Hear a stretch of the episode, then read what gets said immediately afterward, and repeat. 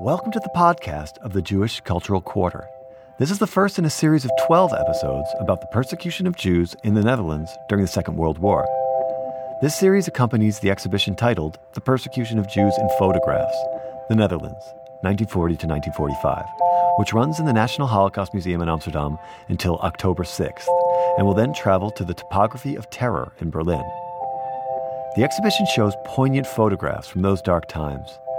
This podcast consists of episodes each focusing on one of the 10 stages of genocide as drawn up by American law professor Gregory Stanton.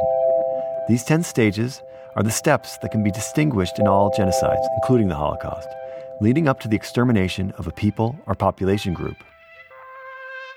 Witnesses or victims of discrimination or violence often feel powerless would it help to recognize the incidents that preceded? Could genocide be prevented through timely intervention? The persecution of the Jews was conceived and carried out by people. Some were active participants, others resisted, but most people did nothing. 104,000 Jewish men, women, and children from the Netherlands were murdered because of hatred, discrimination, and indifference. But Stanton teaches us that it all started with small, seemingly innocent steps. The episodes of the podcast are narrated by curators of the exhibition who work in the Jewish Cultural Quarter or at NIOD, the Dutch Institute for War, Holocaust, and Genocide Studies. You'll also hear fragments of interviews with people who survived the Jewish persecution.